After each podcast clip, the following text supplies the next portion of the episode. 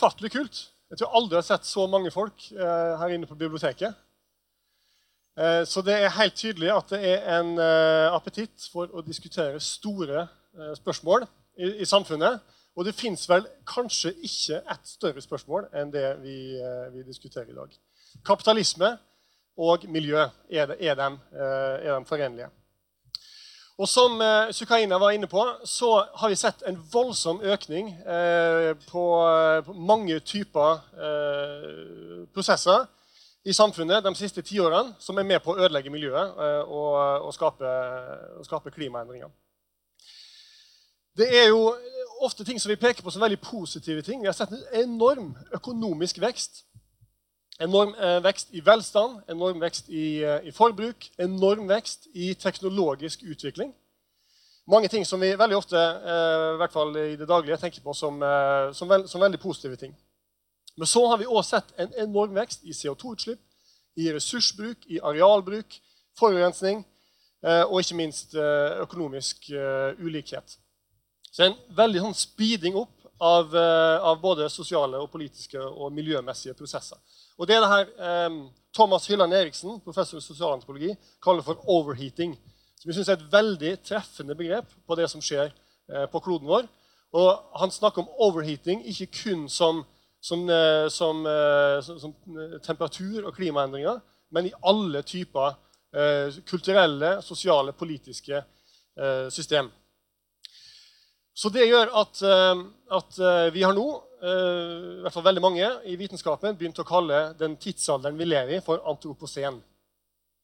Og så er det mange som har foreslått det, at kanskje det egentlig bør hete kapitalocen. Fordi eh, kapitalismen har nå, eh, lik det eller ei, eh, kapitalismen har nå blitt det dominerende systemet eh, på, eh, på planeten vår. Eh, og eh, ofte så er det for mange, for kanskje for de fleste, så er det vanskelig å se alternativer. Altså Personlig synes jeg det er interessant. Det er nesten som at eh, det er lettere for oss å se for oss at vi koloniserer Mars og flytter til en annen planet, enn at vi finner et annet økonomisk system. Så Det er altså spørsmålet vi skal diskutere her i dag. Og det er mange ulike meninger om det i, i, i politikken. det vet dere. Og vi er veldig glad for å ha fått eh, samla hele det politiske spennet. Det er et veldig stort panel. Uh, så jeg er ikke sikker på om vi får løst problemet helt uh, til alles konsensus i dag. Men vi skal gjøre et, et, godt, et godt, forsøk. Så bare for å si, Det er jo mange velkjente fjes her. Men for å si hvem som sitter i panelet Vi har Sofie Marhaug fra Rødt. Håkon Pettersen fra Kristelig Folkeparti. Charlotte Spurkeland fra Høyre. Eh, Jarle Brattespe, Sosialistisk Venstreparti. August Simonsen fra Venstre. Eh, Mona Høgli, MDG. Steinulf Tungesvik, Senterpartiet. Eh, Marte Johan Monstad, Fremskrittspartiet. Trym Aafløy, FNB. Og Rune Bakevik, Arbeiderpartiet. Jeg synes Vi begynner med å gi dem en god applaus for å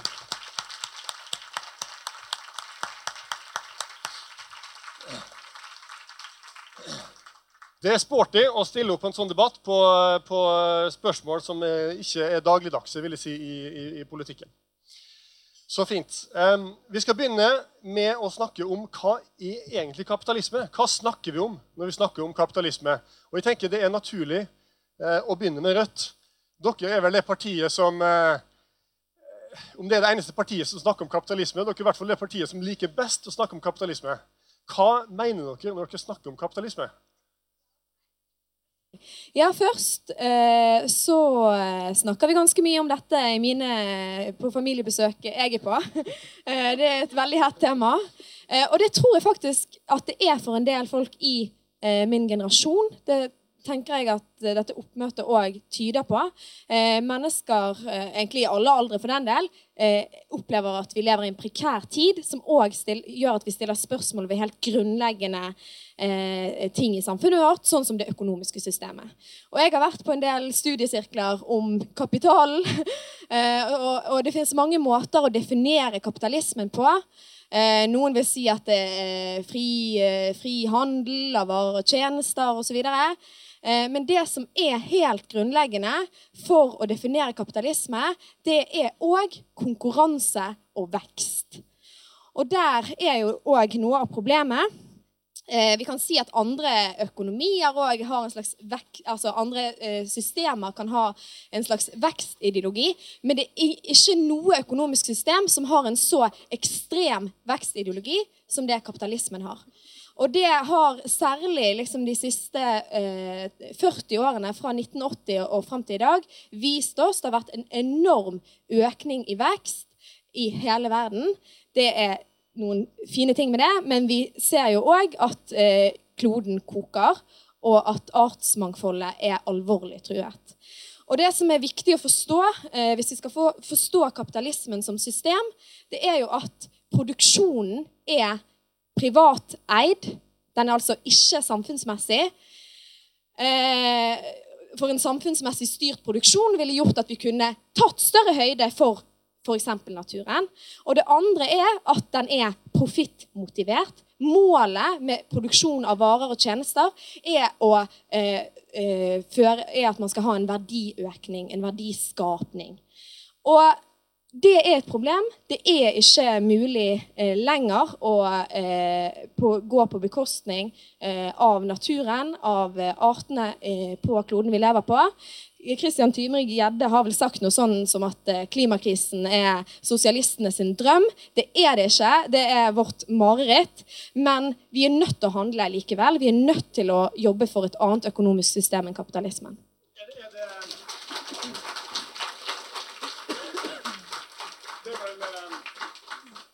Litt fristende å si at det er dere som er det kapitalistiske partiet i norsk politikk. ikke det? Snakker dere mye om kapitalisme på Høyres hus? Uh, vi gjør faktisk ikke det. altså Sofie har et veldig fint nett hvor det står 'Make eh, Marks Great Again'. Uh, og i Unge Høyre så gikk jeg med sånn 'Enjoy Capitalism'-T-skjorte. Uh, men det, det, gjør jeg ikke lenger. men altså, jeg vil jo si at kapitalisme det er på en måte en forutsetning for at vi skal kunne klare å løse klimakrisen. Og det er det er vårt utgangspunkt eh, for denne debatten. Eh, og så tror jeg at kanskje begrepet kapitalisme er kanskje litt utdatert. For Norge sin del så eh, er det jo gjerne markedsøkonomi som vi bruker. Altså hvordan kan vi løse altså klimakrisen ved bruk av markedsøkonomi.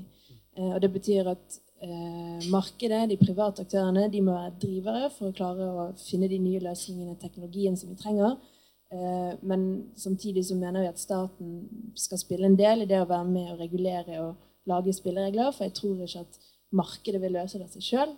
Eh, men mye tyder på at eh, man er på rett vei. Og når du ser altså, Jeg tror hvis alternativet er planøkonomi, så tror jeg vi har en veldig svart fremtid. Men Hva er forskjellen med å snakke om kapitalisme og markedsstyring?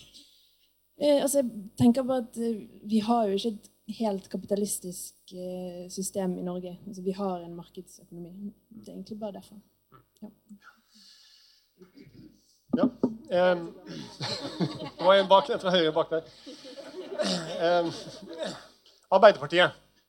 Dere har jo uh, altså, historisk sett vært uh, antikapitalistiske, men kanskje de siste 100 åra prøvd å bli venn med kapitalismen? Er det riktig å si? Ja, eh, Vi i Arbeiderpartiet, sosialdemokrater, det er jo en eh, retning innenfor sosialismen som både er mer moderat og gjerne mer reformorientert enn det f.eks. Rødt og eh, sin politikk er. Samtidig så er vi der at det kapitalistiske system som det økonomiske system er det som ligger i bunn, og det er ikke det vi ønsker å bekjempe og erstatte med noe annet. Samtidig så er det viktig å ta med seg her at eh, kapitalismen har utviklet seg. Både når det gjelder retning, men ikke minst når det gjelder grad. Det er ingen land, tror jeg, kanskje med noen unntak, som er rene kapitalistiske land i dag. Alle land har en eller annen form for blandingsøkonomi der man har en stat. Og Det er jo nettopp det som betegner vårt uh, syn, den sosialdemokratiske. Og det er jo på en måte kanskje best betegnet sånn som Norge er bygget opp fra krigen. Sant? Der du har en stor, sterk velferdsstat som har tatt vare på innbyggerne du har små forskjeller, og ikke minst, du har et godt trepartssamarbeid der eh, partene i arbeidslivet tar ansvar. Og Når vi kommer inn på da, hvordan vi skal løse klimakrisen, så er i hvert fall min oppfatning at Skal vi gjøre det innenfor en kapitalistisk økonomisk system, så må vi ha en kapitalisme som utvikler seg i rett retning. Og det ser vi faktisk tegn på allerede nå. Fordi at du ga en beskrivelse, det ble gitt en beskrivelse innledningsvis her om en overopphetet eh, klode basert på forbruk og bruk- og kastmentalitet. Den type kapitalisme kan aldri løse klimakrisen. Og Derfor ser vi også klare tegn på at vi er på vei bort fra dem og en annen retning på kapitalismen, der man istedenfor tenker på, bare på aksjeeierne, tenker på interessentene rundt, samfunnet, kundene. Og det, det, grunnleggende her er jo begrepet samfunnsansvar. Og det er helt klart at eh, Kapitalisme er jo også forbundet med vekst. Og Skal vi kunne få til en vekst, så må forutsetningen være at den veksten er grønn. Og det kan vi klare, fordi at teknologien og kunnskapen er jo der allerede i dag til at vi klarer å få til det grønne skiftet. Men grunnen til at vi ikke får det til, er jo at markedet kan ikke styre det alene. Derfor må vi ha en retningsgivende og aktiv stat som er med på å bidra, stimulere til at vi får den reelle grønne veksten og det grønne skiftet. Ja. Eh, på slutten av debatten så vil det være mulighet for å gi applaus. Bare så, bare så det er sagt. Jeg skal notere meg at vi må huske å gi applaus på slutten. Men eh, snakker dere mye om, eh, om eh, kapitalisme i Arbeiderpartiet om dagen? I studiesirklene som som du er med i? Nei, ikke, ikke, for seg. Men det vi snakker om, er jo hvordan vi skal eh, videreutvikle samfunnet. Eh, et samfunn der vi går tilbake til å ha små forskjeller, for vi ser at forskjeller har økt grådig i det siste. Og Det er en utvikling som vi er imot. Og da mener jo vi at vi må ha en mer aktiv næringspolitikk fra statens side. Og Det bruker vi en god del tid på. Og ikke minst hvordan vi skal få til en rettferdig omstilling til et grønt skifte. For det er også utrolig viktig. Skal vi få et grønt skifte som virkelig gagner, så må vi få med oss folk. Og Da kan ikke vi sette arbeidsplasser opp mot hverandre eller skape usikkerhet for vanlige arbeidsfolk, fordi at da vil det være en motstand mot et skifte. Vi må ta i bruk den teknologien vi har, videreutvikle den, og ikke minst få med oss folk i et grønt skifte. Og da må vi skape trygghet i bunn, sånn at alle blir med på det skiftet. Det har jo vært, eh, det har vært en utvikling i Arbeiderpartiet på det her. Altså, det er jo mange altså, hva skal si, i hvert fall fra ut, lenger ut på venstresida som kritiserer Arbeiderpartiet for at altså, 90-tallet og 2000-tallet, New Public Management og Stoltenberg At man på en måte gikk for langt i den kapitalistiske retningen, kanskje. Er det, er, er det, på en måte, er det her et uttrykk for at Arbeiderpartiet på en måte er på vei litt tilbake igjen? Nei, altså Vi er ikke på vei tilbake, vi er på vei fremover. Så absolutt. Som jeg sier, det, det, gjelder å ta et aktivt grep om en grønn, rettferdig omstilling. Og alle partier utvikler jo seg. sant? Og det er litt den tidsånden vi, vi, lever i.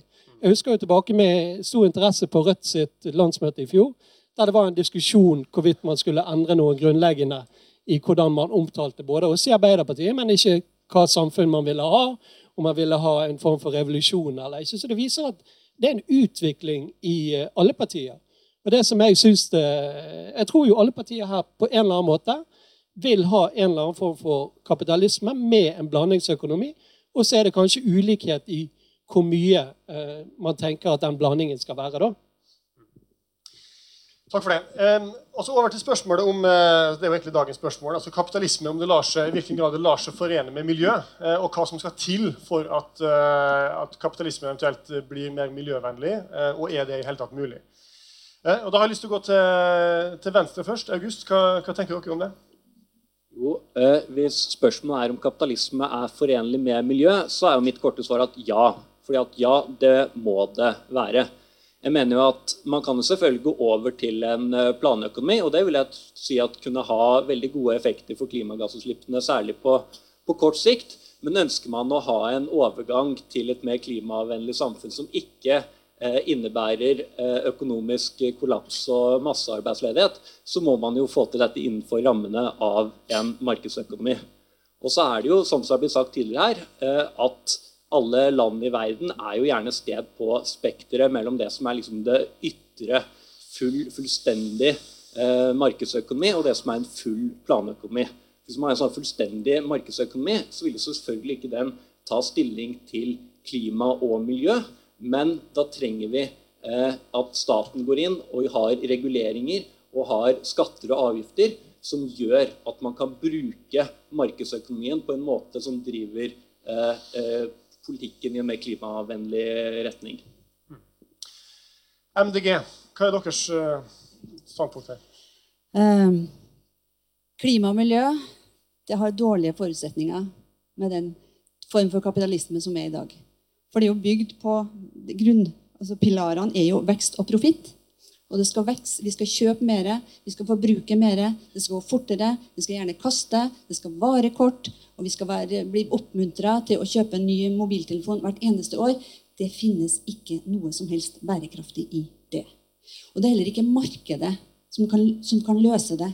For markedet styres av det reklamepresset som gjør at vi tror at vi er nødt til å kjøpe ny sofa fordi jeg har fått en liten flekk på den, eller fordi at naboen har kjøpt en ny bil. Så, så, og, og jeg er ikke for noe planøkonomi. Absolutt ikke. Men de gode gründerne med gode ideer skal støttes av, og få støtte til å gjennomføre sine eh, prosjekt for å lage de bærekraftige tingene som vi har behov for. For det, for det, er jo egentlig nok ressurser i verden hvis vi fordeler dem riktig. Det er bare det at det er en sånn vanvittig stor forskjell, og den øker med den måten som det økonomiske systemet er lagt opp eh, til i dag. Og de som taper, det er jo ungene våre. Vi driver og spiser av såkornkister. Alle har vel lest om fattigfolk før i tida som i nødsår måtte åpne kista med såkorn fordi de holdt på å sulte i hjel. Det er det vi holder på med nå. Fattigfolket før kunne kanskje få nytt såkorn fra noen familie eller andre. sånn at de livberga seg. Vi har bare denne ene såkornkista, vi. Og det er den kloden vi er på. Og den holder vi nå på å tømme. Og det er arven til ungene våre. Og da kan vi ikke overlate det til, sånn tilfeldig hvordan vi greier å få en reklame til å fungere, sånn at kanskje man blir litt mer, mer eh, bærekraftig produksjon. Vi må støtte de som faktisk gjør det de, og mener noe med, med, et grønt skifte. Og så må vi lage klare uh, begrensninger for det som vi vet ikke er bra for klima og miljø. Uh, ja, tror jeg støtter det. Men, men uh, hva slags måtte, økonomiske systemendringer er det som må til? Du, du, snakker jo om ja, vi må støtte opp om gründere som jobber med miljøvennlige løsninger. og den type ting, Men det er jo fortsatt si, innenfor det samme systemet. I hvert fall sånn som kanskje Rødt ville tenkt. da. Ja da, det er klart at det, det, er Det må produseres det som folk vil ha. Eller det folk trenger. For en, som Gandhi sa, altså, kloden har mer nok til menneskets behov, men ikke til menneskets grådighet. Og det å dreie seg om. For det er jo vi som må, må sette på bremsen. For, for, vi har jo mer enn nok. Alle vi som sitter her. Vi sitter øverst på en gylne grein. Så vi må fordele med de andre. For vi kan ikke si at, skal, at de som ikke har like mye som oss, skal få lov og forbruker like mye som vi gjør i dag. Det tåler ikke kloden, rett og slett. Så, må, så må vi begynne å tenke litt hva er det som har verdi? Og så nå er det Yes, har den flotte hytta, har den flotte bilen, har, tjener så mye og mye. Det er det som gir status. Hva er det som har verdi? Altså den, vi har fått en ny type fattigdom. Våre barn de til, altså er mye rikere enn mine foreldre var på kroner og øre og størrelse på hus og størrelse på bil. Men jeg er mye fattigere fordi jeg har ikke like mye ren luft. Jeg har ikke mye like rent hav. Jeg har ikke den samme rene naturen. Så det er en ny type fattigdom vi er på vei inn i, som vi har tenkt skal være arven til, til våre barn. Og da er vi nødt til å tenke nytt. Og det er klart det vil smerte, men jeg tror vi finner det hvis vi bare vil. Jarle, Sosialistisk Venstreparti. Dere er vel mot kapitalisme? Vi mener iallfall at løsningen på klimakrisen ikke ligger i det kapitalistiske systemet. Så det enkle svaret på spørsmålet dere stiller i dag, er nei. Det er jo sånn at vi, vi, lever ikke bare i en klimakrise, vi lever i en biodiversitetskrise. Vi tømmer ikke fornybare ressurser i et altfor høyt tempo. Vi lever i en fattigdomskrise, og vi lever i en ulikhetskrise. Og den samme mekanismen som fører til alle disse her krisene. Det er veksttrangen i det kapitalistiske systemet. Derfor så mener vi det er fryktelig naivt å behandle miljø uavhengig av de røde sidene av politikken. Og vi er uenige med MDG sin analyse om at vi skal prioritere miljøpolitikken over alt annet. For vi mener det er de samme utfordringene som fører til alle disse problemene. Og å tro at det er det samme systemet som har skapt en krise, som skal løse den, det er illusorisk, og det er utilgivelig naivt, mener vi. Skal vi løse de krisene vi står i, så må vi omstille økonomien vår bort ifra vekstjag og bort fra eh, kjøp og kast. Det er en myte at økonomien vår produserer forbruksvarer. Økonomien vår produserer boss. Forbruksvarer er kun et kortvarig trinn i prosessen på veien til det bosset. Og På veien til å produsere boss så tømmer vi jorda for eh, ikke-fornybare ressurser. Vi fyller atmosfæren med karbon, og vi utnytter fattige arbeidere i den tredje verden. Og Det haster å få gjort noe med disse problemene. Vi, altså, vi har fortsatt muligheten til å løse de krisene vi står oppe i, men den muligheten er i dette tiåret. Dette tiåret er den tiden vi har på å løse krisene vi står i. Vi kan begynne å omstille systemet i dag. Vi kan gå vekk fra vekstparadigmet. Vi kan bytte ut fossile og ikke-fornybare ressurser og energikilder. Vi kan omfordele ressursene bedre både i vårt eget land og på planeten. Vi kan dele på arbeidet innenfor seks timers arbeidsdag. Vi kan ha grønnere skattlegging enn vi har i dag. Vi kan prise ut ressursintensive, kortlevde varer, sånn at vi får en overgang fra dagens kjøp og kast til en mer sirkulær økonomi. Eller så kan vi fortsette å ha hodet i sanden, late som ingenting er galt. Og så kan vi kjøre stø kurs mot en klimakrise der store deler av planeten blir ubeboelig på slutten av dette århundret. Der vi vil få et enormt fall i levestandarden for alle. Der det ikke vil bli mulig å dekke grunnleggende behov for veldig mange mennesker. Der vi sannsynligvis vil se på massemigrasjon og krig. Vi mener at eh, Veksten i kapitalismen er en av hovedproblemene som, som driver disse krisene som vi står i. Og uendelig vekst i et endelig system altså vi, vi bor på en planet den er så stor som den har så mye ressurser som den har. Det er, ikke, det er ikke mulig med uendelig vekst i et sånt endelig system. Det tar oss stadig lenger vekk fra løsningen på de krisene vi har. Og skal vi få til en ny løsning, skal vi få til en løsning på klimakrisen, på biodiversitetskrisen, så må vi bort ifra den veksttrangen. Da må vi heller kjøpe nye elbiler, så må vi ha færre elbiler på veien. Heller en litt grønnere flyreiser, så må vi fly mindre enn vi gjør i dag. Heller en litt mer bærekraftig plastdingser, så må vi bruke færre ting og kaste færre ting. Og kjøpe ting som varer lenger, så de ikke ender opp eh, i Rådalen etter en måned eller to. Og så må vi bort ifra den veksttrangen som har vært eh, dominerende de siste tiårene. Men da har jeg lyst til å utfordre litt på det. Hva, hva um, hva kan politikere gjøre for å få det til? Altså, hva vil, eh, Dere er jo av og til innom regjeringskontorene. Og hva, hva, eh, hva, hva, skal politikken gjøre for å, politikere gjøre for, for å få komme oss vekk fra det vekstparadigmet? Altså, mange av eksemplene du nevner, er jo si, Det er jo, det er jo enkeltindivid som altså, vi må forbruke mindre. Da. Det kan man fint si. Men, men dere, panelet her representerer jo maktsegmentet, på en måte altså, Det er helt opplagt et personlig ansvar i disse krisene òg. Jeg kan velge å fly mindre personlig.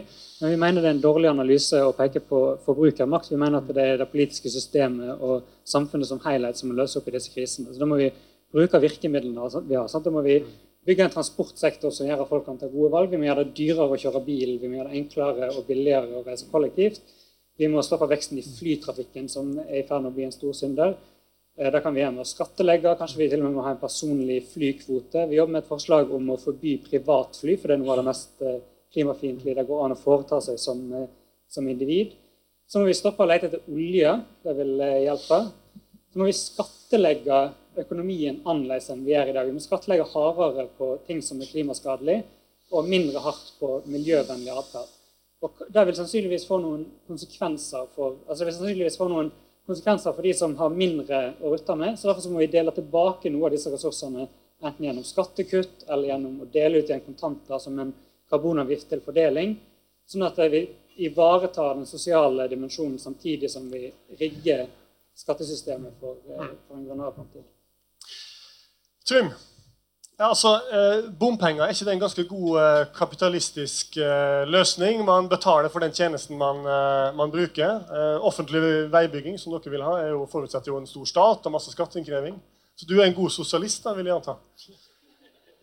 Nei, jeg er ikke noe et eh, forsvarer av kapitalismen i det hele tatt.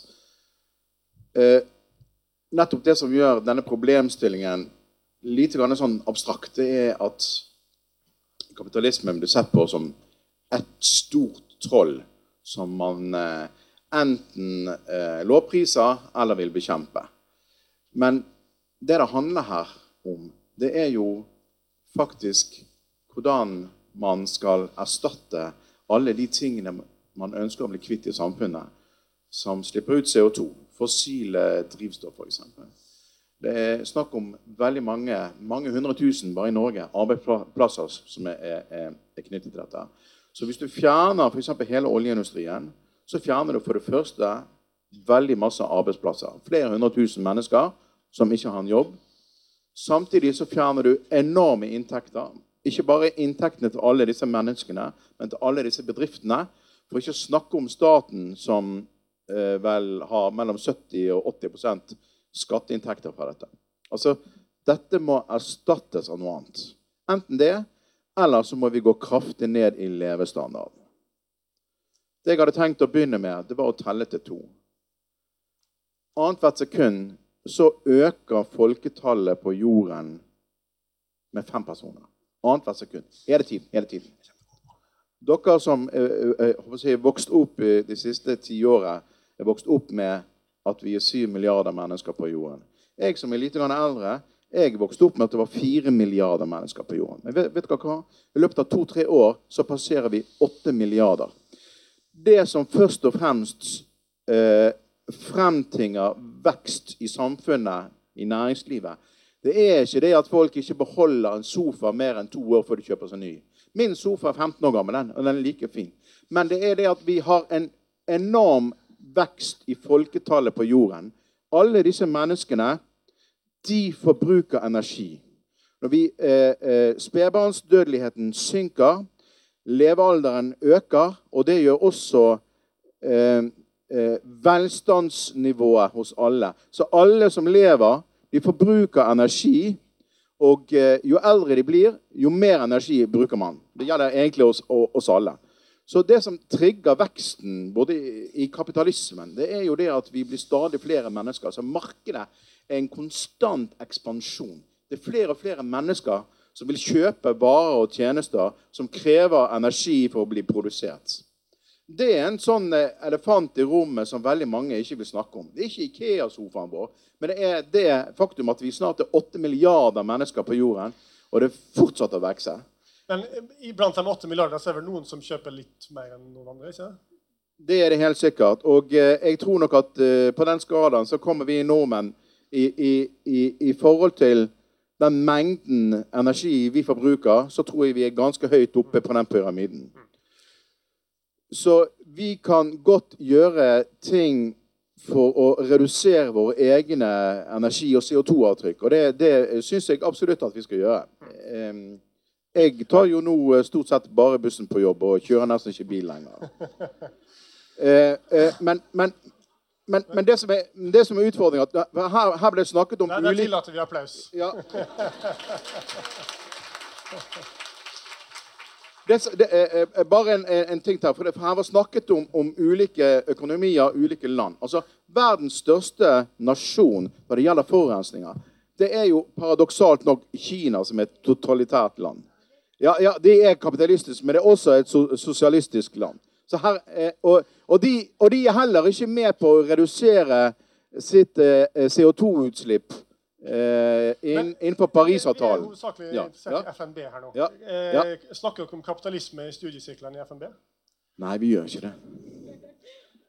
Vi snakker om hvordan vi skal redusere avtrykket men på en sånn måte som er rettferdig, der man på en måte ikke heller barnet ut med vaskevannet. Ja.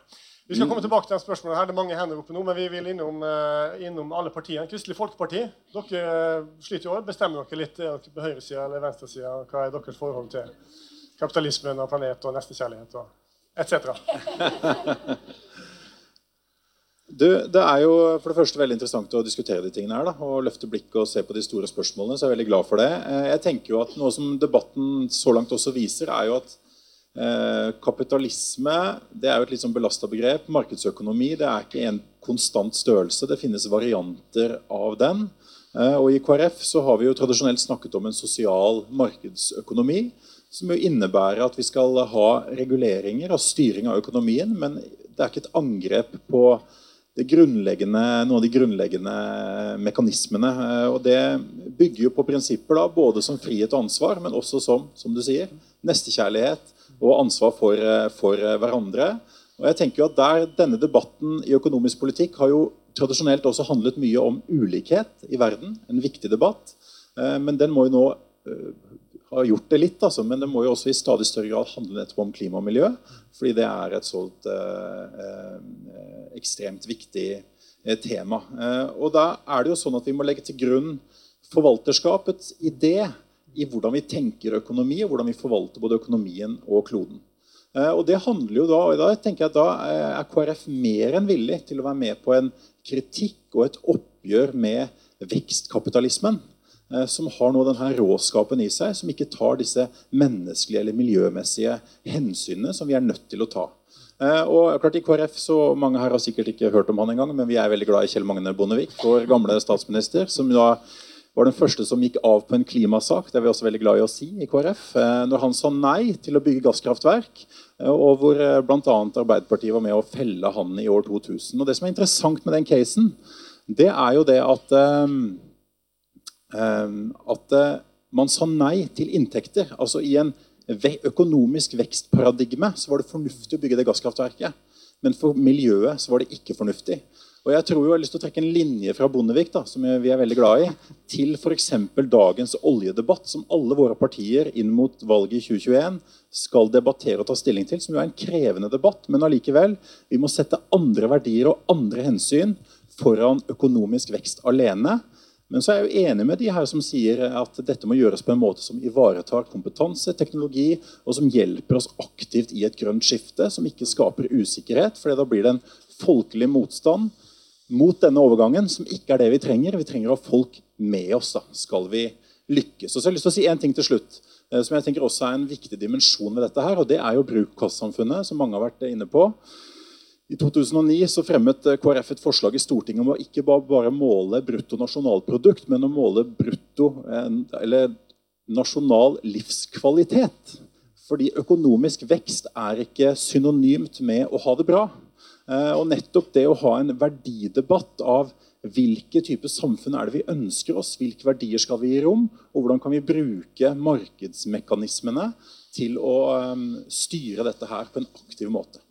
Så en sosial eh, markedsøkonomi eh, som tar hensyn til mennesker eh, og miljø, er det vi tror på. Fint. Fremskrittspartiet, dere er eh, imot EU. Imot fri flyt av arbeidskraft. Skeptisk til EØS-avtalen. Så dere er vel òg et antikapitalistisk parti, da?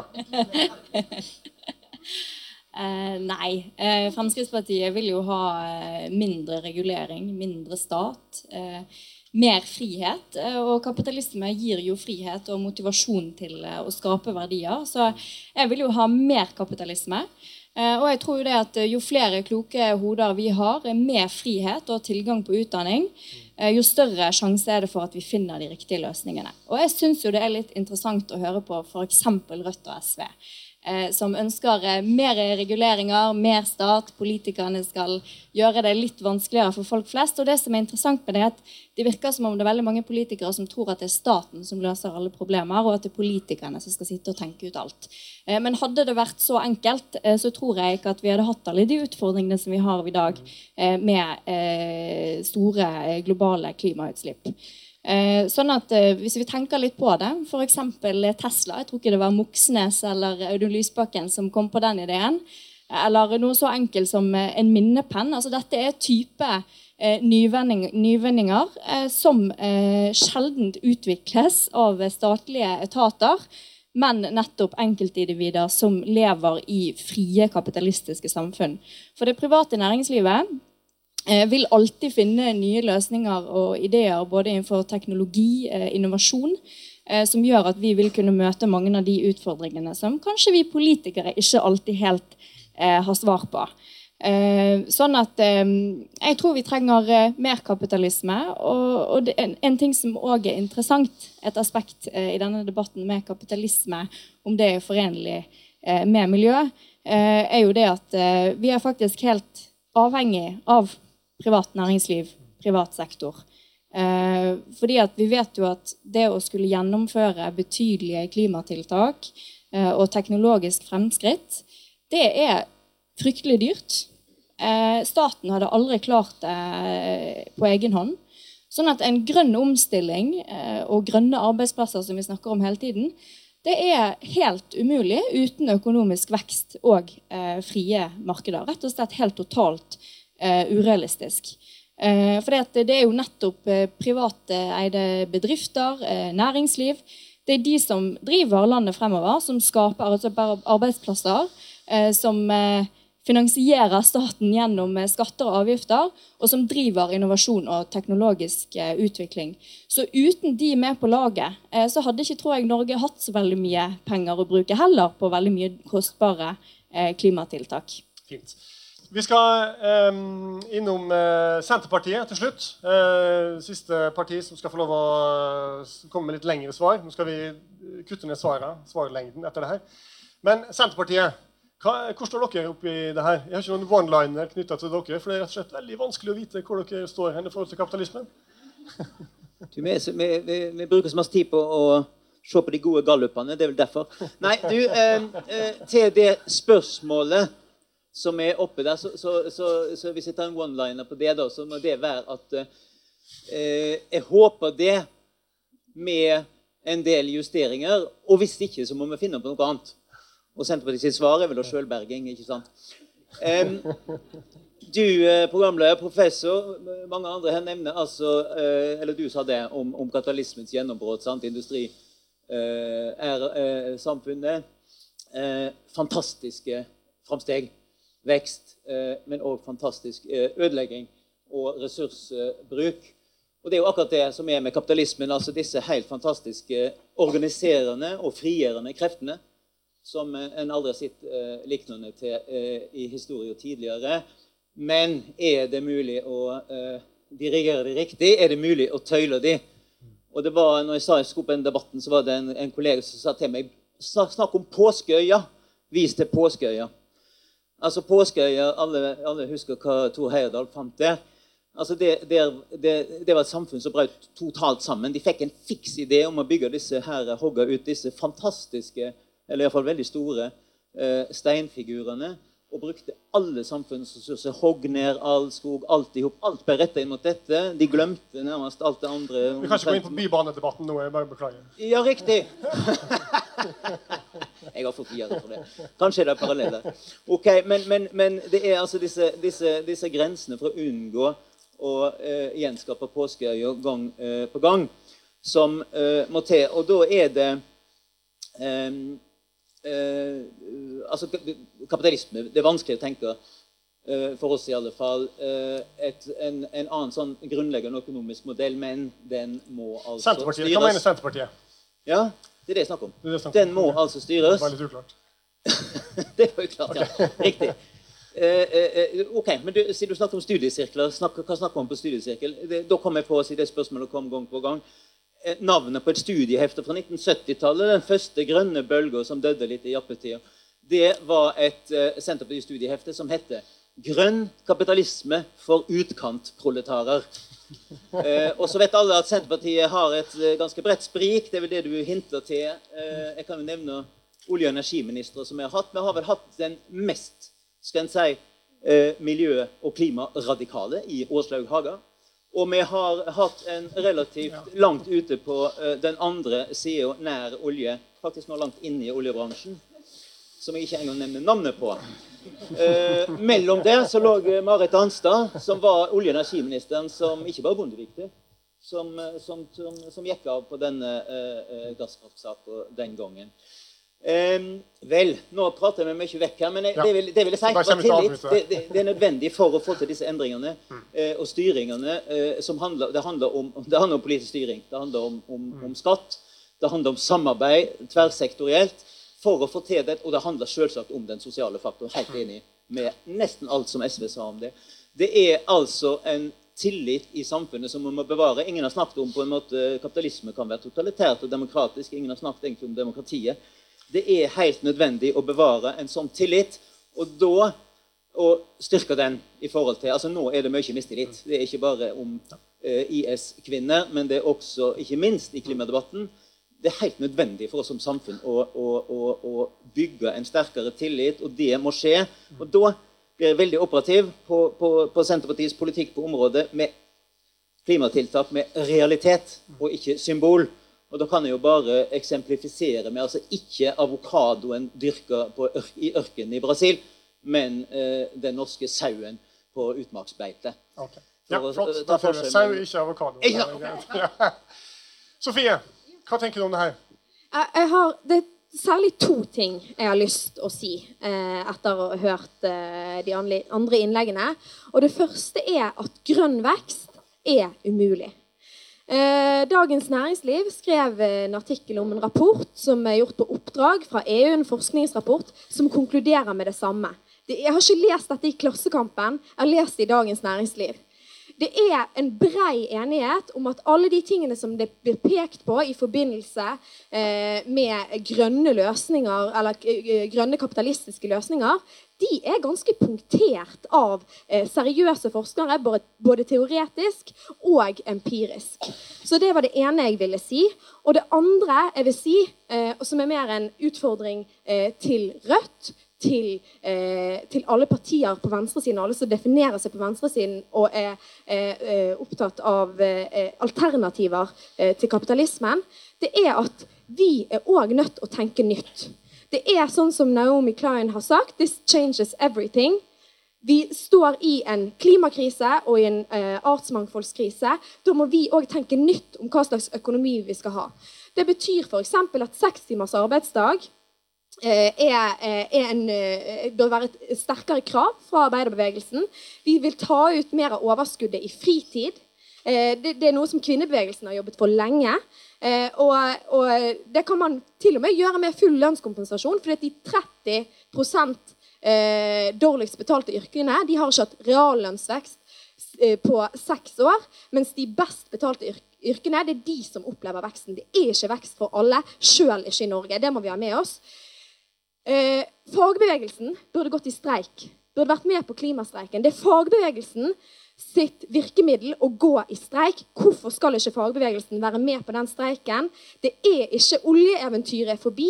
Det er faktisk ikke det vi har bygget velferden på i det hele tatt. Det er vannkraften. Så vi må ha mindre kraftsosialisme og mer vannkraftsosialisme. Mona, når du hører det her, hvorfor melder du ikke inn i Rødt? Nei, jeg føler meg veldig bra hjemme i MDG. For det at uh, jeg tror vi er de som er mest si, kompromissløse når det gjelder klima og miljø. For det er mange kriser som må løses, det vet vi. Uh, men noen må ha hovedfokus på, på, å være de mest ytterliggående der, og det skal vi, skal vi fortsatt være. Uh, og så Det jeg hørte her nå om litt sånn teknologioptimisme ble sagt her, å, Elon Musk og alle de som har kommet på alle de glupe ideene, det er de som, som redder oss. Så vi må ha vekst. Men skal vi ha vekst for alle? Altså Det er en begrensning av mineraler, matjord og grunn, grunnstoff. Og all vekst betyr at vi må ta ut enda mer av det. Er det sånn at det er bare vi som skal ha vekst, eller skal det gjelde resten av verden også? Vi tror jeg må, må finne oss i at vi må, vi må stoppe, vi nå. Det er mange som trenger det mye, mye mer enn oss. Og vi har begrensa ressurser. Og de må vi dele. Så det, det er jeg veldig glad for at MDG står for også den globale solidariteten. Altså Det er ikke bare vi, det gjelder ikke bare oss. Det gjelder de som faktisk mister livsgrunnlaget sitt, mister heimene sine, fordi at vi har vært med på å dreve opp et forbruk og en måte å leve på som utarmer, utarmer kloden. Så, så, jeg lurer litt på at det er det som sier at vi må ha kapitalisme, og alt må, må vokse, og bare vi får teknologi, så går alt så bra. Hva med de begrensa ressursene? Da skal vi gå til Arbeiderpartiet. Takk. Eh, når jeg hører rundt her, så, så, er det mange som er kritiske til kapitalisme og behandler det som det er et statisk begrep og en statisk faktor. Men det er jo nettopp det det ikke er. Du har vel ikke hørt noen som har tatt til høyde for et annet økonomisk system. Selv om Jarle Brattespe sin beskrivelse var veldig god, så hørte jeg ikke at han snakket om noe annet enn et kapitalistisk system. Ja, Kanskje med, med, forbehold og unntak av Sofie og Rødt. Men, men, det er jo nettopp sånn. I Arbeiderpartiet så sier vi at markedet er en god tjener, men en håpløs herre. Og når det gjelder det for klimasaken, så er det helt, et uregulert marked, en helt håpløs herre. Og jeg mener jo at vi må diskutere hvordan vi skal ha kapitalismen. Hva retning skal han ta, og hva reguleringer skal vi, vi gjøre med det. Jeg ser ikke noe annet økonomisk system Men ikke sett likhetstrekk mellom kapitalisme og en rå, kynisk kapitalisme, sånn som jeg opplever at mange omtaler det. For, for det er ikke det det er snakk om. Det er snakk om hvordan skal vi regulere den. Og jeg mener absolutt at grønn vekst er mulig. Eh, det forutsetter at vi ikke bruker opp naturressursene våre, og at vi kobler vekstbegrepet fra bruken av naturressurser. Eh, og sentralt da er jo f.eks. sirkulær økonomi. Men det er også innenfor et kapitalistisk økonomisk system. Nå har jeg lyst til å gå til Jarle. Du ble utfordra konkret her. Og jeg synes Det er jo en veldig interessant eh, eh, altså venstre, Partiene på venstresida snakker jo veldig fint om mange gode løsninger og grunnleggende radikale endringer som må til. Men, men som Bakevik er inne på her, altså hvordan kommer man seg dit? Fins det noen veier dit? Hva er på en måte alternativet eh, for å finne fram til det?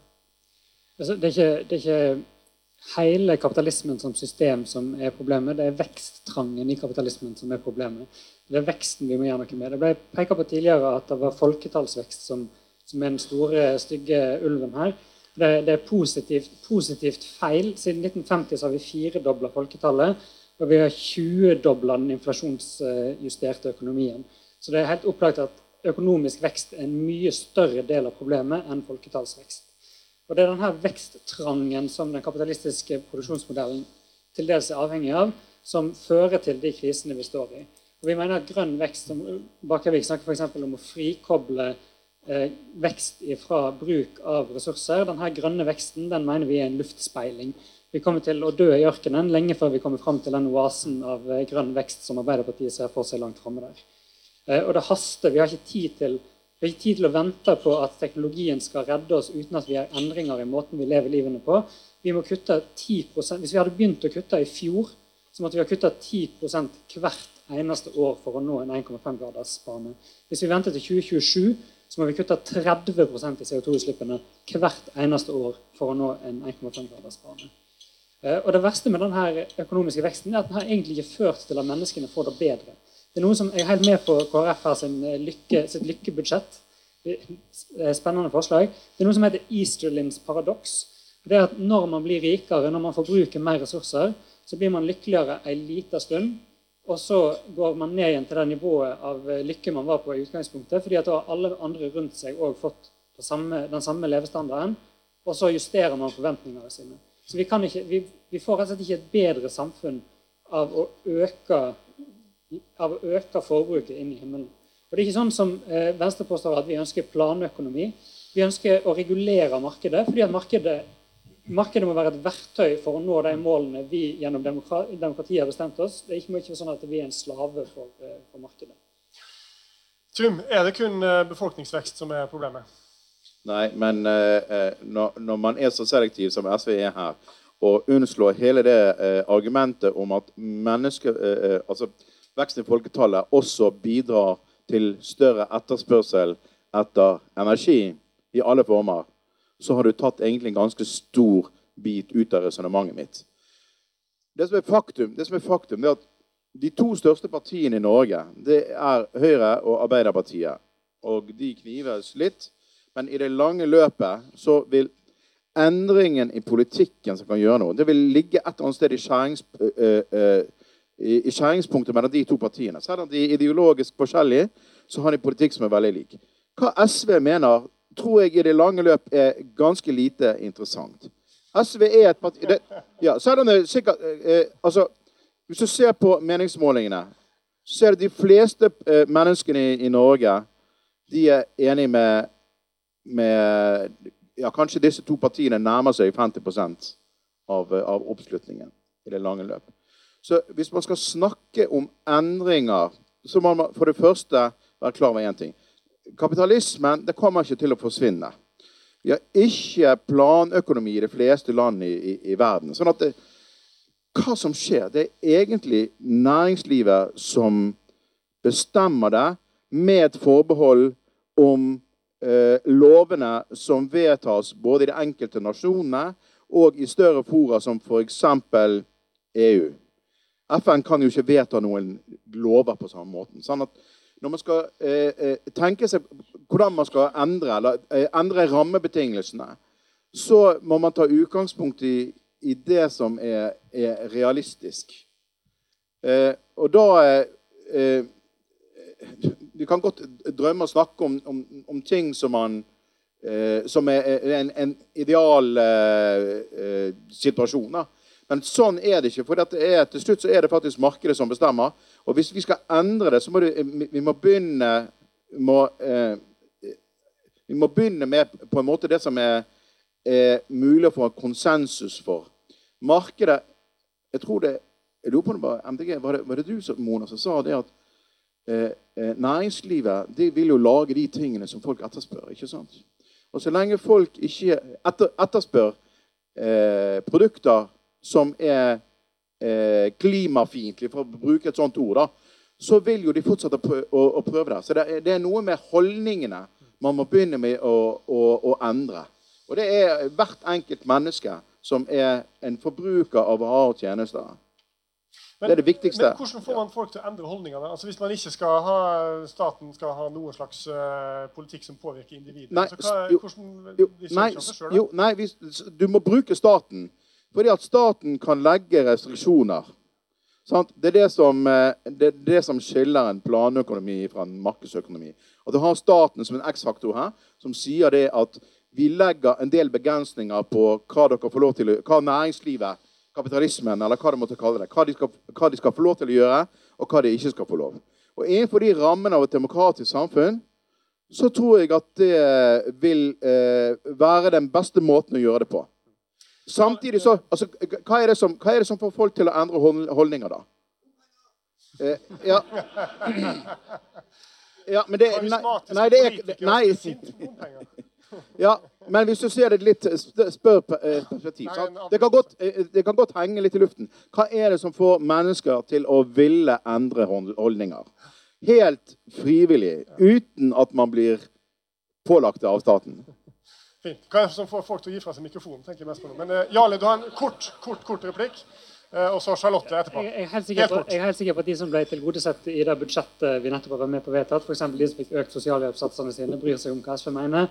Og vi har nettopp vedtatt et budsjett hvor vi har sikra 13 millioner kroner til klimatiltak i Bergen kommune i lag med bl.a. disse. Så jeg tror der, der, noen er veldig gode på å hisse opp kommentarfeltene, så er det noen som leverer på det de har lovt. Charlotte Spurkeland, Høyre. Eh, takk. Eh, jeg tror jo at hvis vi skal nå klimamålene, som eh, for øvrig Senterpartiet stemte mot Parisavtalen Hvis vi skal nå klimamålene, så må vi ha omstilling. Og når vi skal ha omstilling, så må vi ha, som flere har vært inne på, så må vi ha alle med. Og Sofie sa at flere burde streike for klima. Vel, i Bulgaria nå så er det kullarbeiderne som streiker. Og det er jo fordi at man ikke klarer å få alle med på omstillingen. Eh, så jeg tror at det som er Norges fordel, at vi har eh, det systemet som vi har, med høy tillit, eh, som gjør at vi skal, kan klare omstilling. Men da er markedsøkonomien en helt vesentlig del av det. Men jeg synes det er veldig lett for, flere har jo sagt det, det er veldig lett for politikere å si at man må få folket med. Men hvem er det som skal få folket med, hvis ikke det er politikere? Hvordan gjør man det? Altså, vi vet jo at oljen ikke skal vare for alltid, og det er en stor sektor med mange arbeidstakere. Og Da må de ha sikkerhet for at når arbeidsplassen deres forsvinner, så har eh, Norge noe å stille opp med. Enten om det er utdanning, eller at vi har eh, jobbet for at de nye jobbene er på plass. Det er det som er det grønne skiftet. Det er det at vi som stat vi sitter ikke og venter på at den eh, dagen hvor oljen tar slutt, at den kommer bardus på oss. Vi er forberedt på det. Eh, og det er det som jeg tror er en grunnleggende forskjell på om man har tillit til at staten skal ha en rolle, men ikke hele rollen i eh, det grønne skiftet. Mm. Okay. Så jeg tenker jo at det, det spørsmålet du stiller, da, av hva, hvordan, hvordan, skal vi få folk med, er et uh, utrolig viktig spørsmål. Også et vanskelig spørsmål. og jeg tenker jo også at jeg er enig med det flere har sagt her, bl.a.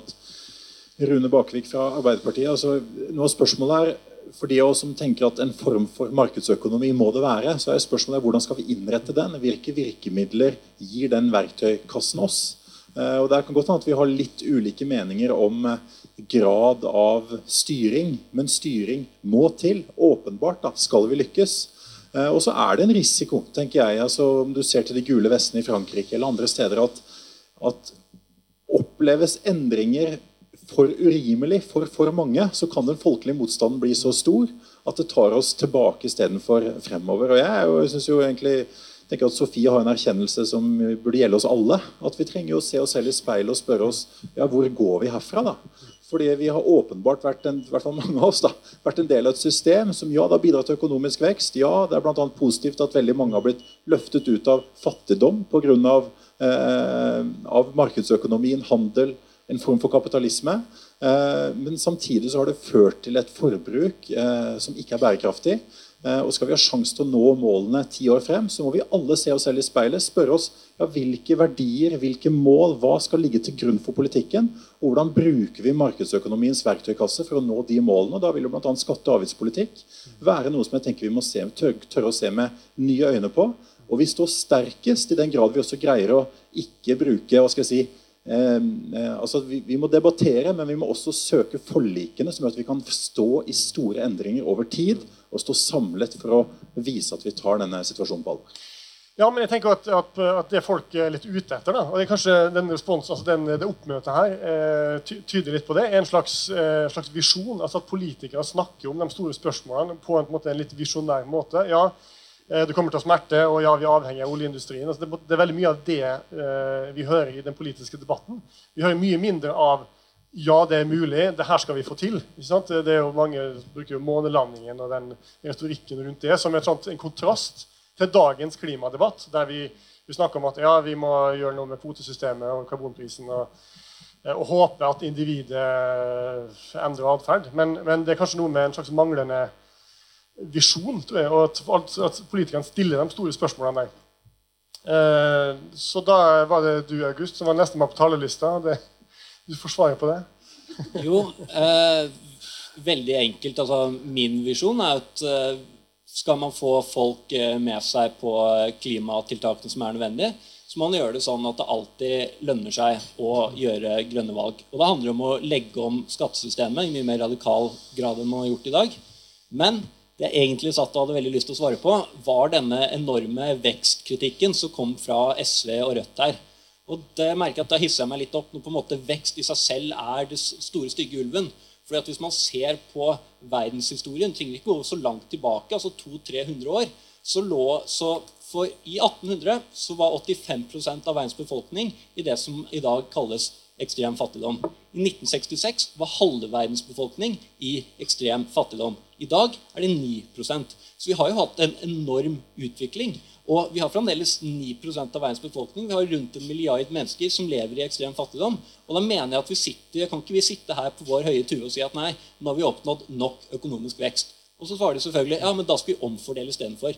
Selvfølgelig, Vi kan godt ha en mye omfordeling på, på den måten, men du, du, må da ha en såpass radikal politikk at du løfter 1 milliard mennesker opp fra under 1 dollar, nei, under to dollar om dagen opp til et høyt levestandardnivå, og fremdeles få eh, de vestlige og de rike landene med på denne omfordelingen. Det tror ikke jeg går. Jeg tror vi må klare å fortsette å ha et system som bygger seg på økonomisk vekst, men som bygger seg på vekst i eh, økonomien innenfor eh, fornybar, innen resirkulering, innen sirkulærøkonomi. Eh, og ikke minst innen bruk av tjenester og ikke bare nye produkter. For selvsagt kan vi ikke fortsette å overforbruke de naturressursene vi har på kloden som i dag. Sofie, eh, dere, store, dere, har jo store visjoner. Dere har jo snakka mye om det i dag. Men dere er jo et lite parti. Altså, det, hvordan få folk med på de visjonene? Ja, jeg er nå her, da. og prøver å, å, overbevise og snakke med folk. Og jeg tror ikke at Rødt skal gjøre det alene. Eh, det er derfor jeg prøvde å snakke litt om fagbevegelsen og fagbevegelsen sin rolle.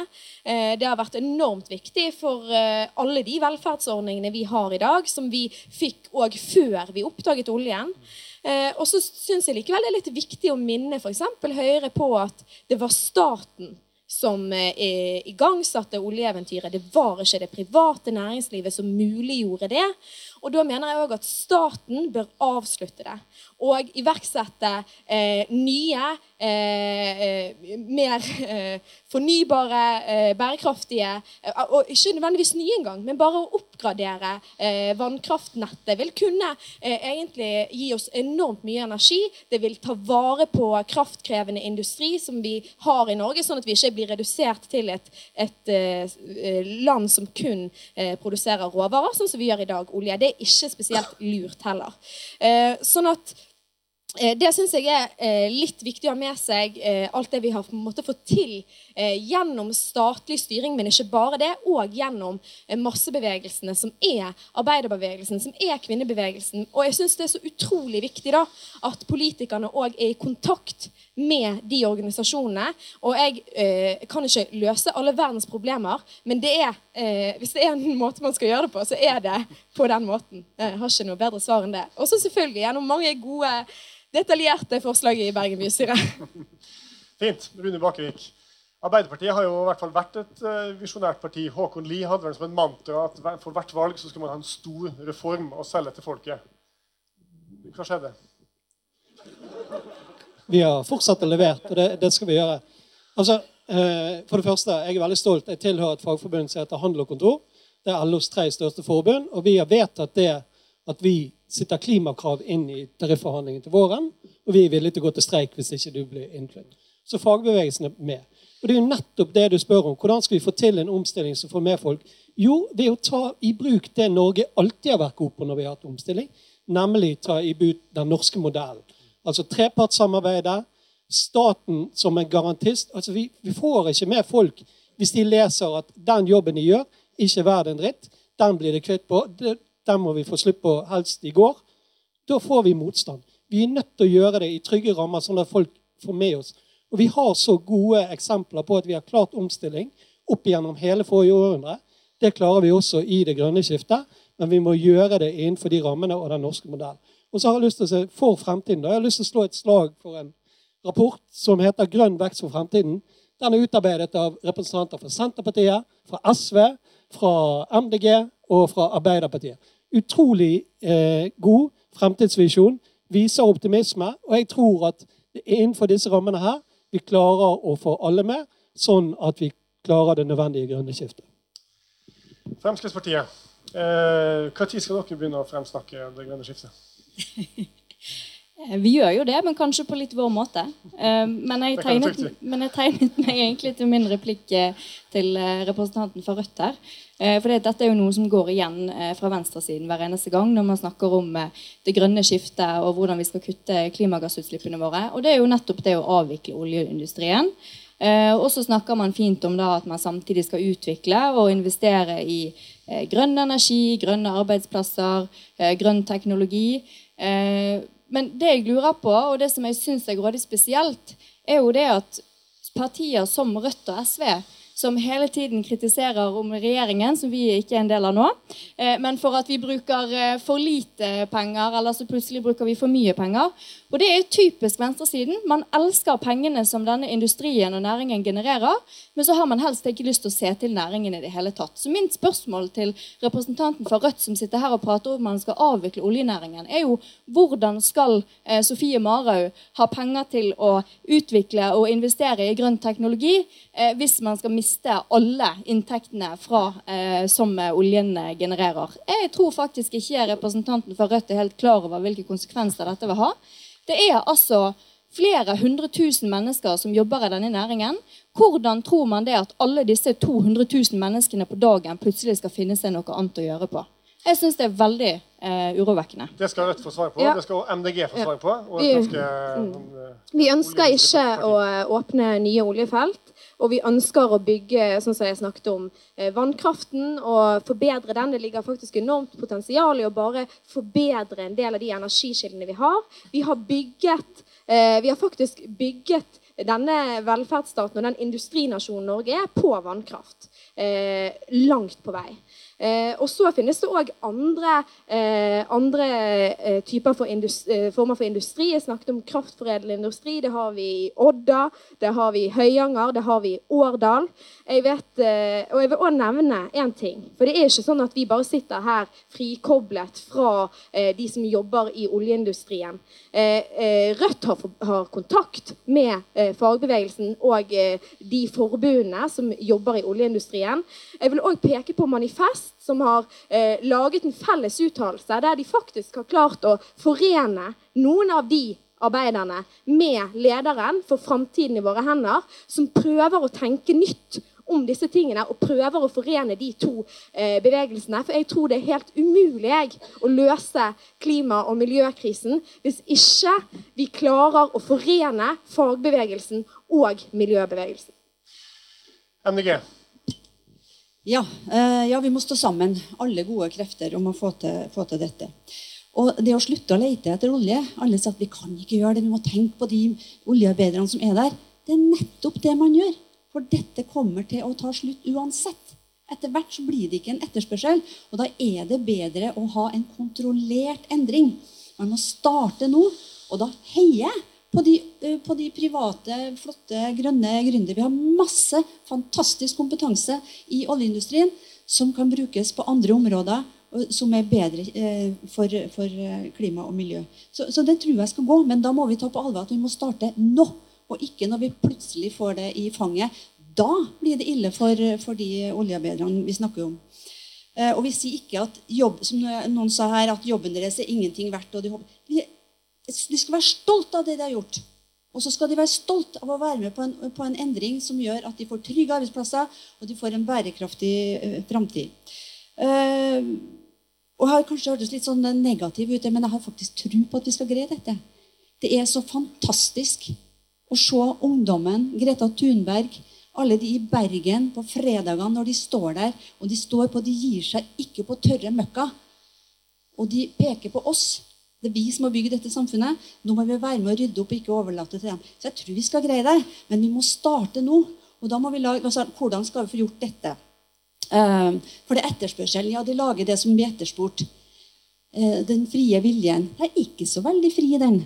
For det er et enormt reklamepress som får oss til å tro at vi trenger noe vi absolutt ikke trenger. Så det vi trenger klare restriksjoner på, for å endre ting, så må vi ha mye sterkere restriksjoner på ulike ting enn det vi har i dag. Og så må vi stimulere mye kraftigere de tingene som, som er bra for klima og miljø og for, og for eh, framtida. Og så er jeg helt enig at Befolkningsveksten det er en elefant i rommet. Det er flere å dele på. Hvis vi skal fortsette å ha vår, eh, vår eh, levestandard, så må de opp. Eller så må vi gjøre den med måten vi lever på. Og så tror vi at det blir forferdelig så mye verre er jeg sikker på det? Er det hamsterhjulet for å tjene mest mulig som er eh, veien til lykken? Det er jo sagt før her, som noen sa, at det, det er til et visst punkt, litt mer, og så eh, er det ikke det så lykkelige lenger. Kanskje det andre vi må begynne å tenke og begynne å snakke om at det faktisk er andre verdier som betyr noen ting. Fint. Eh, Trym, du ba om ordet. Har du googla det ferdig? Ja.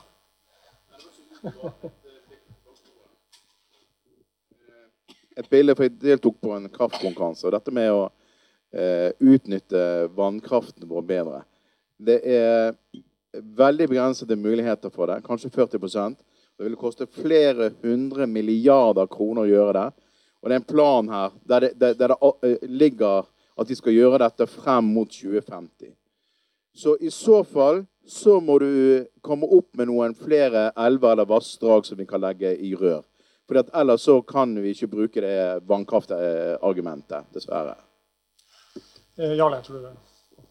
Ja, jeg, synes, jeg, synes, jeg, har lyst til å plukke opp det der med oljen litt. For jeg er en av de som blir beskyldt for å ville legge ned oljenæringen i morgen. Jeg synes eh, en, Utgangen fra oljealderen er en interessant eh, illustrasjon på hvordan vi kan velge å løse klimakrisen eller ikke løse den. For det er paralleller der. Vi kan velge å trapper ned langsomt i dag, får en mjuk landing på oljenæringen. Eller skal vi velge å vente til markedet ikke lenger etterspør oljen hvis vi eh, når klimamålene, eller vi i en framtid går tom for olje og får en veldig hard landing. Det samme, vi, det samme, ser vi med klimaendringene. at vi, Hvis vi begynner i dag å gjøre endringer, så vil de være ubehagelige, ja. Men det, det er 10% i år vi må kutte. Det klarer vi. Vi får til 10 kutt i året. Hvis vi venter til slutten av tiåret, så får vi den harde krasjlandingen hvor vi må kutte 30-40% i året, som er mye mer ubehagelig. Og vi får til, hvis vi vil, hvis vi blir enige om at vi skal kutte 10% i året nå, så får vi det til. Altså Vi har klimatiltak som kan ta oss til den banen hvis vi ønsker det. Hvis vi blir enige om at vi vil kutte 10% i året. Men det haster om vi må begynne nå. Vi må begynne med de kuttene som er raskest. Det betyr at vi må se på transportsektoren først. Det er der vi får gjort mest raskest. Da er bompenger et viktig virkemiddel.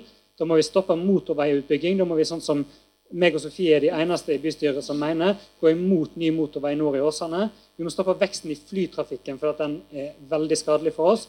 Og så må vi avkarbonifisere de fleste, de fleste samfunnssektorene på sikt. Vi må stoppe oljeleiting, vi må få ned utslippene fra industrien, vi må ha karbonfangst og -lagring på punktutslipp. Vi må eh, gi støtte til at eh, ti Siri Tussedal kan bruke hydrogen istedenfor eh, kull. Eh, vi må ha mer utbygging av fornybar energi. Vi må stimulere til energisparing. SV foreslår hvite sertifikater i tillegg til de grønne for at eh, man skal få betalt for å spare energi i heimen sin. Og så kommer vi ikke bort fra at vi må bort fra vekstparadigmet hvis vi skal komme i mål. For det tar oss i feil retning. Nå kommer jeg til å gi ordet til Tungesvik, og så har jeg ombestemt meg når det gjelder spørsmål fra salen. Jeg tenker Det er så mange som har møtt opp, så det er veldig fint å gi eh, publikum en mulighet til å ytre noen eh, spørsmål og, og meninger. Så du skal få si det du har tenkt å si. Men tenk på spørsmål. Vi tar to-tre spørsmål. Fatt dere i korthet, så går vi tilbake til panelet. Vær så god. Ja, eh, det blir mange forskjellige ting. Altså, altså eh, eh, Jeg får bare plukke noe. Kapitalisme, klima, er det det handler om. Vi må ta i bruk kapitalismens verkemiddel, kanskje reversere de, for nettopp å, å redusere klimagassutslippene. Eh, et eksempel som er nevnt her, var elbil. Tesla til og med var nevnt. Eh, altså det er helt klart, Selvsagt er det en innovasjon i en industri, for all del, men eh, dette ville ikke skjedd. Det ville ikke komme uten at vårt land, et lite land, men en veldig stor avtaker av slike biler, og mange andre land gjort noe lignende, om ikke i den grad, hadde lagt til rette for Eh, at veldig, de, de, biler som er veldig mye dyrere å produsere, likevel kan kjøpes til omtrent samme pris som andre biler, slik at mange gjør det. Det er, er, er, det helt nødvendig å gjøre. og Det er jo et veldig godt eksempel på akkurat den helt nødvendige samarbeidet mellom stat og, og marked som må skje. Og så er det ett tema når en snakker olje her, eh, som ikke har vært nevnt, eh, og som er eh, veldig viktig. Jeg tror det blir svært viktig i året som kommer. En står overfor en del eh, nærliggende gjennombrudd, eh, og, og, det er dette med karbonlagring. Altså fangst og lagring. Lagring er ikke et problem. Det gjør vi fra før. Mange plasser i Nordsjøen bl.a. Men fangsten er problematisk. Den er, den er, ikke så problematisk for naturgass, men for, det er så veldig mange andre eh, utslippskjelder enn olje og gass forbrenning i seg sjøl, eh, og, og, og, det er viktig å fange altså, vi, vi, kommer aldri til å kunne bli karbonnøytrale eller til og med negative uten å eh, få til gjennombrudd og, satse. Da må man satse veldig mye mer på den teknologien enn, enn, det, enn det, som skjer i norsk politikk akkurat nå. Der tror jeg bare ta en liten hilsen til Spurkland, som nevnte et eller annet om Senterpartiet i Parisavtalen. Vi er selvsagt helhjertet Eh, bak den og har programfesta at Norge skal ha ei, førende rolle så, så, langt vi kan som et lite land eh, i, i, den prosessen. Og jeg håper at det er mulig å få sterkere satsing på det med politisk flertall på Stortinget nå, etter den eh, regjeringskrympinga som nå eh, er i ferd med å skje. Takk. Takk skal du ha. Da er det bare å eh, kaste seg på. Ikke alle på en gang. Det er ett spørsmål bak. Så er vi et spørsmål her. Og så tar vi ett til. Ett spørsmål her eh, ved sida. Vi begynner bak. Vi prøver å få en mikrofon ned. Da begynner vi eh, her framme isteden, så får du komme til etterpå når du har fått mikrofon. Vi prøver her uten mikrofon. Eller du kan uh, få den her sånn. Du skal få den tilbake. Gunnar Kvåle er fra Besteforeldrenes klimaaksjon. Veldig bra panel. Jeg er ikke enig med alle. Men jeg er enig med det som har gjennomgripende radikale løsninger. For vi trenger, tåler ikke mer vekst. Skal vi greie 1,5 grader, så det er helt umulig. I dag har vi en um, perspektivmelding som legger opp til 2-3% vekst i året. Og Det skal lages en ny perspektivmelding, og jeg håper nå at også Arbeiderpartiet og Høyre ser at en sånn vekst ikke er mulig. Så vi må tenke på det overordnede, og det er klimakrisen og det er naturkrisen. Og de henger sammen. Og det har vært sagt av en del i panelet. Eh, det var bare innlederen som sa noe om degrowth. Det fins økonomer som sier det er mulig å planlegge for ikke-vekst, eller negativ vekst. Er det noen av dere som har tenkt på det? Så spørsmålet er, Fins det grenser for vekst? Og spørsmålet er til Høyre og Fremskrittspartiet. Det stemmer? Hovedsakelig. Hovedsakelig. Så hvis du gir mikrofonen videre her sånn. Og så, Da går vi bakerst. Eh, ja. Jeg hadde òg et spørsmål om vekst, egentlig. Eh, og det var dette med havvindmøller. For det er jo et eh, prosjekt som eh, har forventet negativ avkastning. Men det hjelper jo miljøet, så det stiller litt sånn de litt opp mot hverandre. Så jeg lurte på hva panelet mente om akkurat det prosjektet. Om de er villige til å ta negativ avkastning mot bedre miljø. Flott. Da snakker vi om vekst. Er det grenser for vekst? Eh, og eh, er vi villige til å ta negativ avkastning? Altså eh, kostnaden ved, ved, ved omstillingen. Spørsmålet var først stilt til Høyre og, og Fremskrittspartiet, så jeg lar dere begynne med å snakke om grenser for vekst. Fins det noen grenser? Hvordan forholder vi oss til det? Jeg syns det er en veldig interessant problemstilling, men det er kanskje også noe av det i vårt politiske ideologi. da, at Det er ikke nødvendigvis sånn at politikerne kan bestemme hva veksten skal være. Altså Da er man inne på et annet eh, system. da. Eh, Så jeg vil, jo, jeg vil jo si at det er jo noe av det som, er, eh, som ligger i en markedsøkonomi. da, At det er ikke politikerne som sitter sånn som man gjør i Kina, da, hvor man i forkant har bestemt hva veksten skal være. Altså, det, så jeg, så jeg har jo ikke noe tro på det. Og, Men eh, vi ser jo hva som skjer med den veksten som er. Eh, og det var jo sånn vi begynte debatten med overheating. altså Vi har en enorm vekst de siste, de siste åra eh, som presser på Og er det noe forskningen viser, jeg representerer forskningsmiljøet, så er det jo at eh, planeten har eh, bæregrenser. Det har vi visst lenge.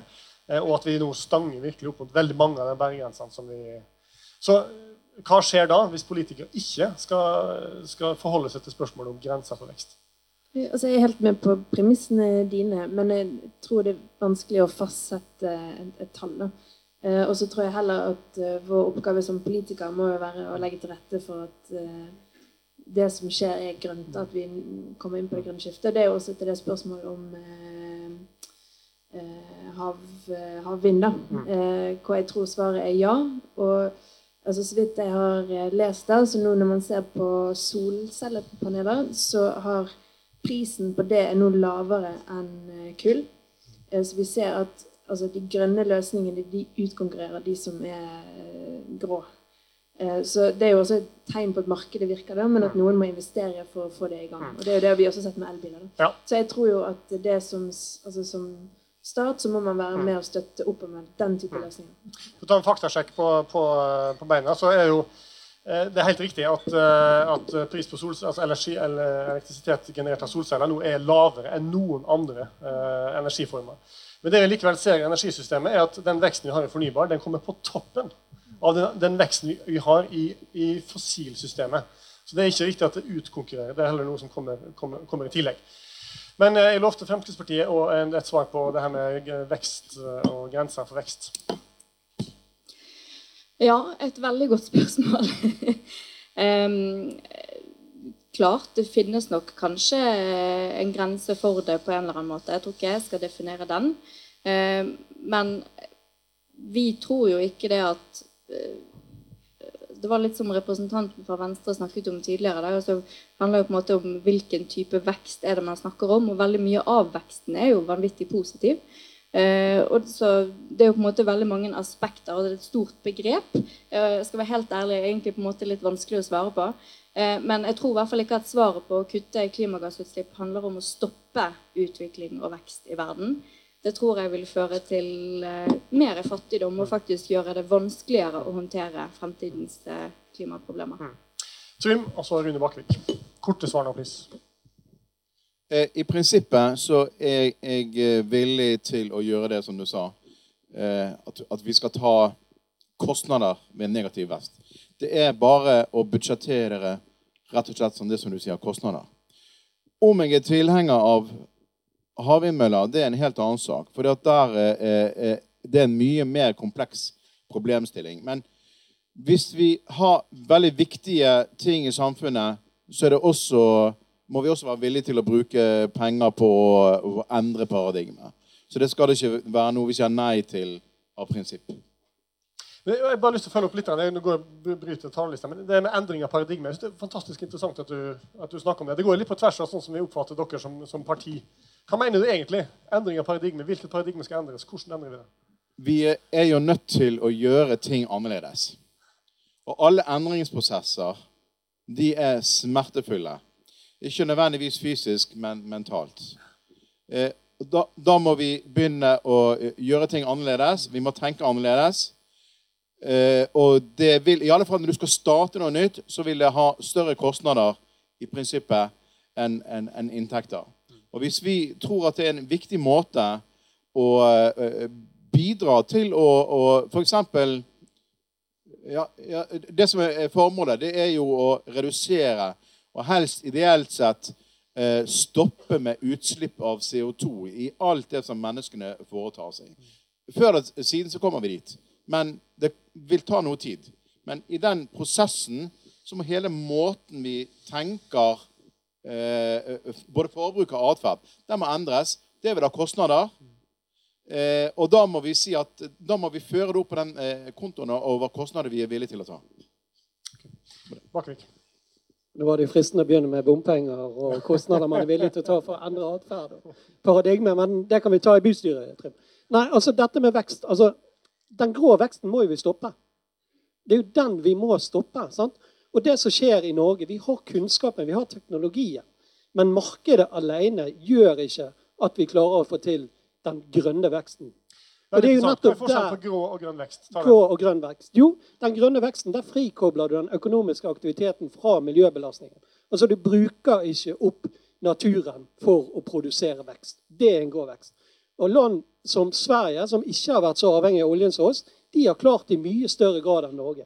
Og Det er jo nettopp der vi må. Og det at andre har klart det, gir meg troen på at vi skal klare det i Norge òg. Men da må vi ha mer aktiv stat enn vi har i dag. Vi må ha mer retningsgivende og positiv og pågående næringspolitikk fra statens side som nettopp stimulerer den grønne veksten, framfor at man holder seg nøytral og bare retter opp markedsfeil. For det er stort sett det eh, høyreregjeringen gjør. Ja. Jarle Sofie August, helt kort. Forskjellen på den grønne veksten og den grå veksten er at den grå veksten finnes og har foregått eh, i 200 år snart. Den grønne veksten er i stor grad en myte. Eh, det ble sagt bak i det spørsmålet som ikke var et spørsmål, at vi måtte hvis jeg tolker det riktig, eh, gjøre endringer innenfor det eksisterende systemet. Og jeg tilbøyelig til å være enig i at det, det vi trenger, er ikke en studiesirkel om hvordan vi skal endre det økonomiske systemet vårt. Vi trenger å komme i gang med endringer nå med en eneste gang. Og Derfor har jeg prøvd å hamre inn budskap om 10 årlige kutt hvert år fra og med i fjor. Jeg håper det er det det husker etter denne eh, seansen her i dag. Eh, så jeg tenker at Systemet trenger ikke en revolusjon, det trenger en redningsaksjon. Vi må endre og forbedre det systemet vi har, sånn at vi kan, eh, sånn at vi kan komme ut av denne krisen.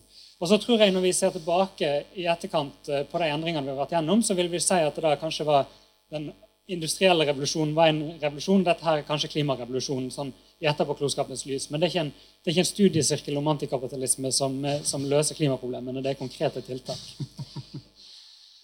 Vi elsker studiesirkler på universitetet. Så.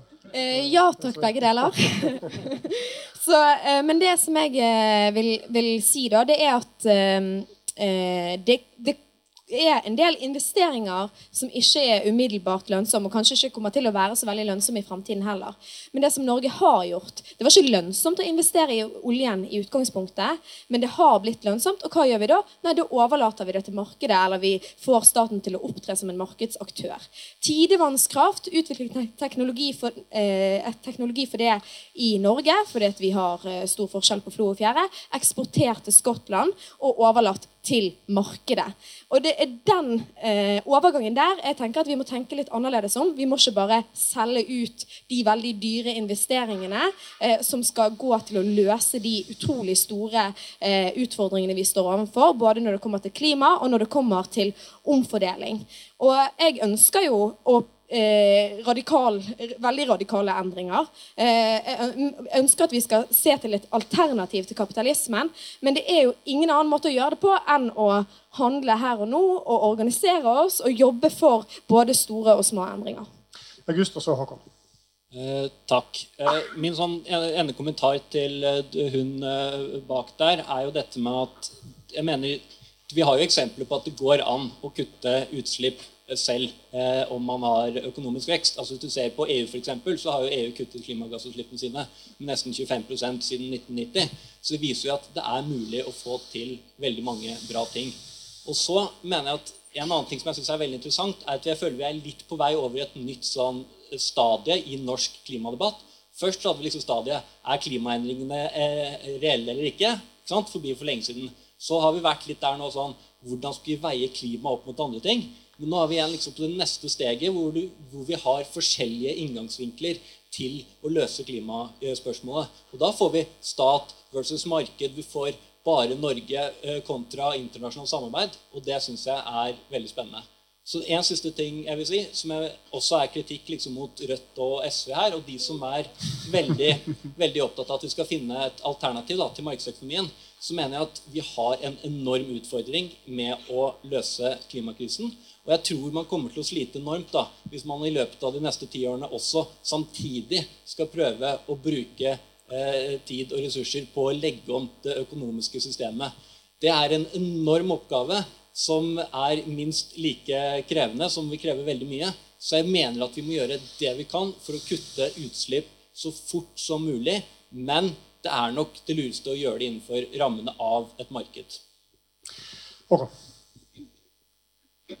Ja, Det var til spørsmålet også om økonomisk vekst, om det er noe som skal eh, begrenses. Mitt eh, korte svar på det vil jo være ja, det skal begrenses. og Det, det må, må, begrenses, og det, kan, og det, kan, styres. og Det er nettopp det jeg syns er noe av det interessante her i debatten grønn vekst, ikke-vekst, grå vekst. Altså, Økonomien må endres, investeringene må endres. Vi må eh, investere med andre forutsetninger enn vi har gjort til nå. Eh, ref da dette neiet til gasskraftverk i 2000. Selv om det var økonomisk lønnsomt, så sa man nei til det på, av hensyn til eh, eh miljøet. Eh, og det er jo her det også, tenker jeg, I denne framtidsvisjonen av hvilke samfunn er det vi er på vei inn i, så syns jeg at bærekraftsmålene, som jo er blitt litt sånn, si, brukt og misbrukt av, av alle, men de tegner en fantastisk ramme for et godt samfunn å leve i. Et samfunn med små forskjeller, et samfunn med samarbeid. Et samfunn hvor man ser helheten i hva som trengs for å bygge et godt samfunn for alle. Eh, og det handler jo da selvsagt også om å endre eh, vaner og hvordan vi gjør ting. Fra hvordan det har vært til hvordan det skal være. Og Et eh, viktig element som også treffer oss her lokalt, det er jo transport. Hvordan skal vi reise? Hvordan skal vi bygge infrastruktur knyttet til transport for fremtiden? Og da kan vi også løfte det videre enn bybanedebatten og si at det handler om eh, tog mellom Bergen og Oslo f.eks. Hvordan investerer eh, staten pengene sine, og hvilken type infrastruktur er det man legger trykket på, sånn at vi kan endre måten vi reiser på. Så tror jeg at dette samfunnet vil være et godt samfunn å bo i. Eh, og jeg tror veldig mange vil kjenne seg igjen i at denne bruk og kast-greien er jo ikke noe tilfredsstillende. Det er bedre å kjøpe noe med god kvalitet, bruke det opp, eh, og aller helst at det kan gjenbrukes eh, osv. Så, videre. så det bærekraftige samfunnet er et godt samfunn å leve i. Eh, og det bildet må vi tegne, samtidig som vi må selvsagt kommunisere hvor prekært det er med endring nå. Godt. Det var det. Tusen takk til publikum. Tusen takk til panelet. Det var en veldig god og spennende debatt.